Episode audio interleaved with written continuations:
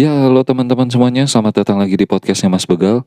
Gimana kabarnya hari ini semua? Sehat ya?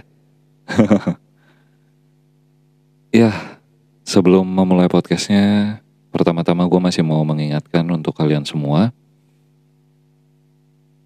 Jangan lupa ikuti protokol yang ada, protokol pemerintah. Sebentar ya. Ikuti protokol pemerintah. Uh, rajin cuci tangan, bawa hand sanitizer ke mana-mana, dan selalu pakai masker di tempat keramaian atau di tempat-tempat yang tidak meyakinkan buat kalian. Dan ya, mohon maaf nih sebelumnya kalau misalkan gua uh, ngomongnya kayaknya agak kurang jelas karena lidah gua lagi sariawan. Jadi nggak enak banget untuk uh, menggerakkan lidah terlalu banyak gitu. Karena uh, nempel sama gigi aja tuh sakit gitu. Dan cuman gue masih tetap membuat podcast ini karena mengingat minggu ini belum ada episode yang gue siapkan. Jadi ya mau gak mau gue harus ngerekam juga. Dan Ya karena ini direkam tepat tanggal 25 Jadi gue mau mengucapkan kepada teman-teman semua yang merayakan. Merry Christmas uh, 2020 Semoga semua yang terjadi tahun ini berlalu dan semoga tahun depan kita uh, mendapatkan berkat-berkat perlindungan, rahmat, apalagi rejeki.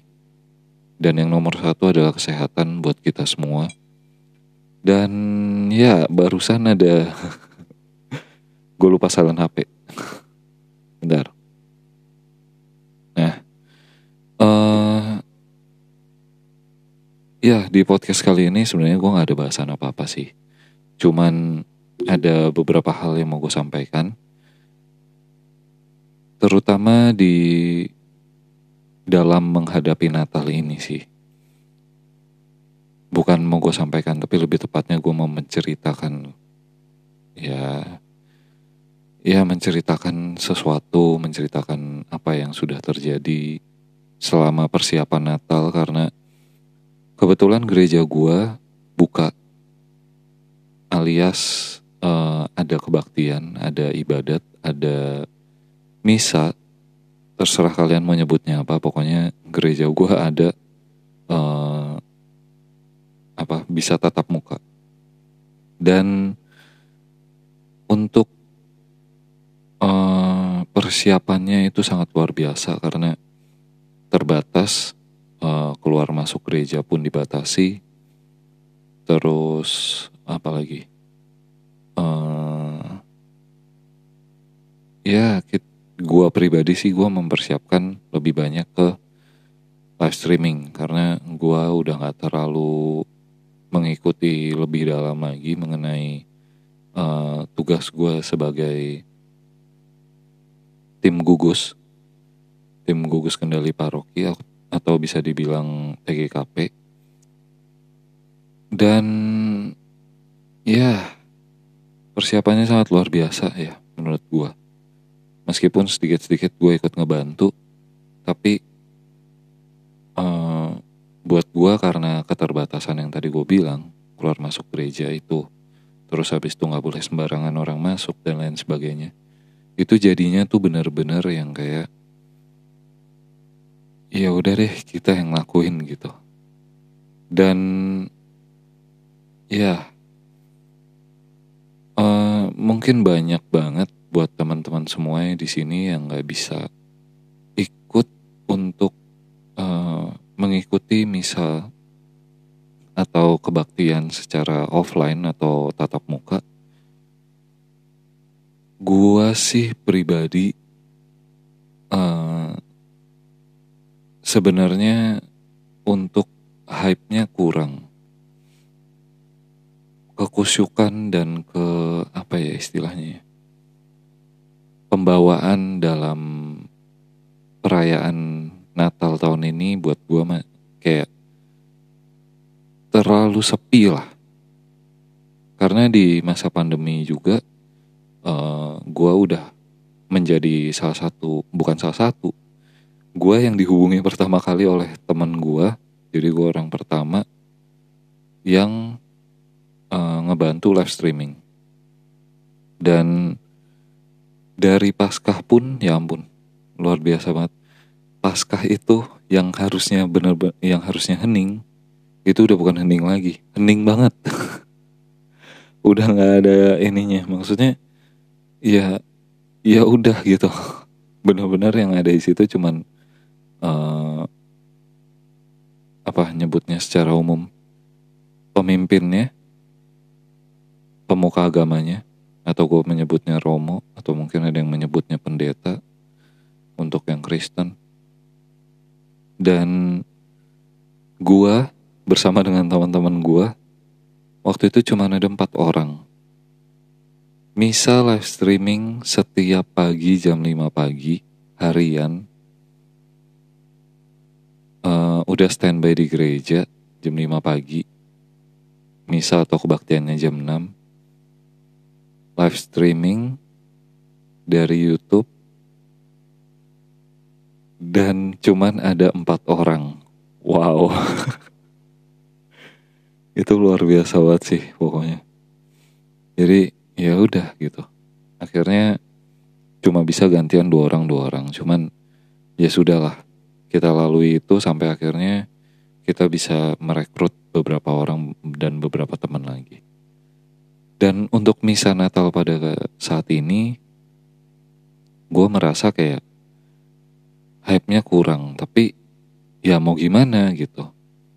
Kayak kemeriahannya kurang, kemewahannya kurang, acaranya kurang, dan semuanya serba dibatasi. Ruang gerak dibatasi, uh, apa istilahnya ngomongnya ya tata acara juga dibatasi. Terus ada beberapa elemen atau segmen yang hilang. Misalkan uh, kurnya nggak ada atau bisa dibilang nggak ada ucapan terima kasih atau ucapan uh, syukur atau mungkin ucapan ya apa pun itulah yang mengisi Natal.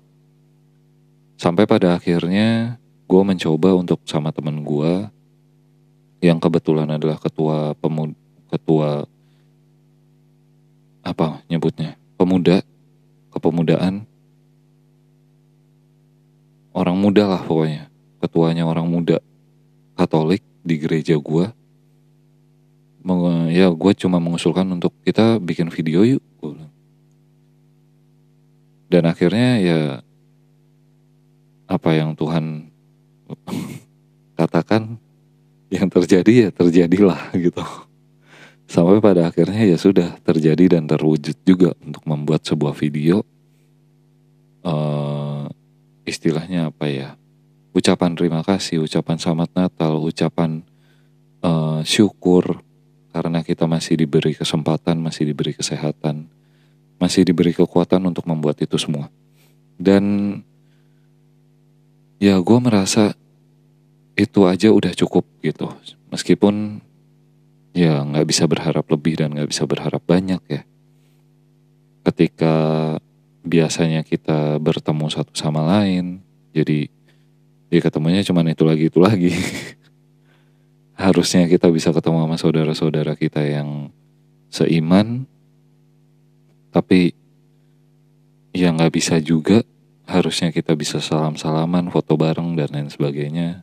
Keluar makan bareng nggak bisa juga. Jadi ya ya begitu doang. Mau gimana lagi? Tapi dibalik itu semua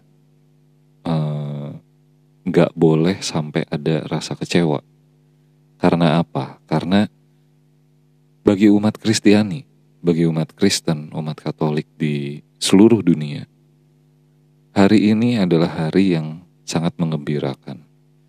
karena digambarkan bahwa juru selamat telah lahir di dunia. Jadi ya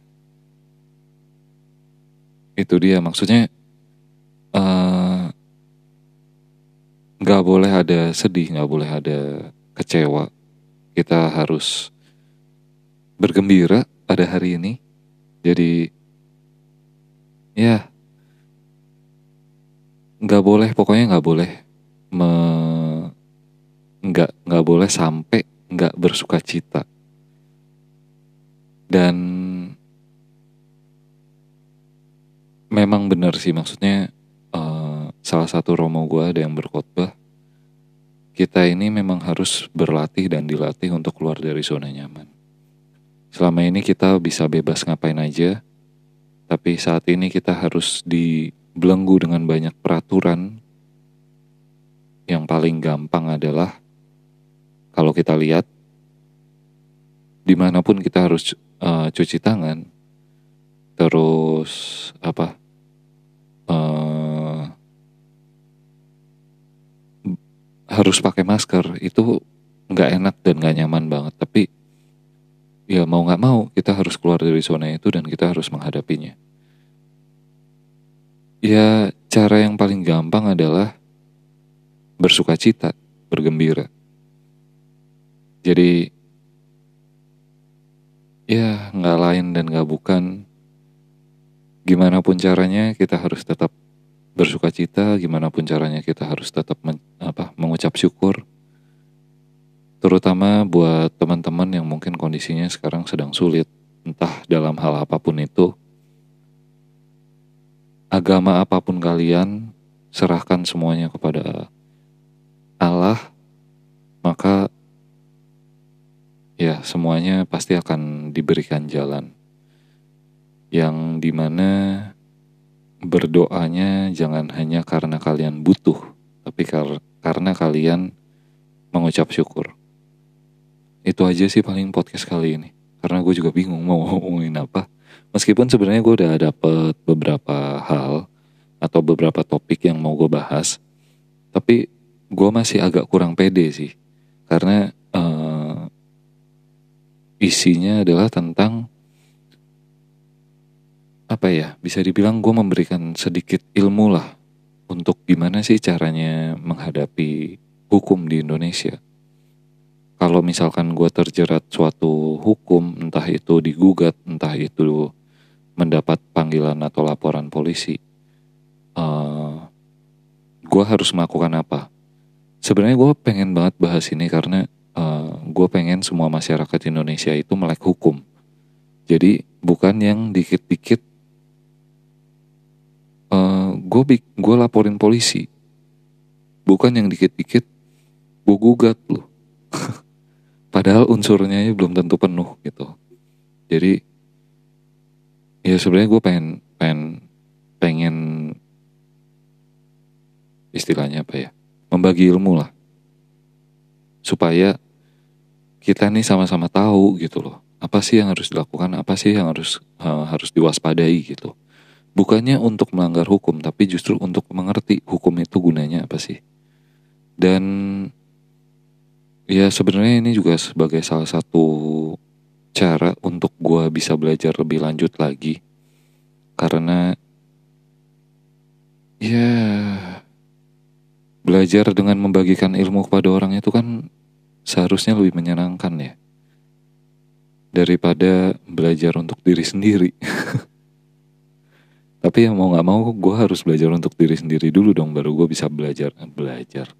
Baru bisa uh, menyampaikan kepada kalian. Jadi Ya semoga saja topiknya lengkap dan gue sebenarnya masih banyak topik bahasan lain yang gue istilahnya uh, untuk apa ya hiburan lah untuk hiburan aja. Karena uh, eh, gue juga mungkin akan ngebahas soal pengalaman-pengalaman mistis atau misteri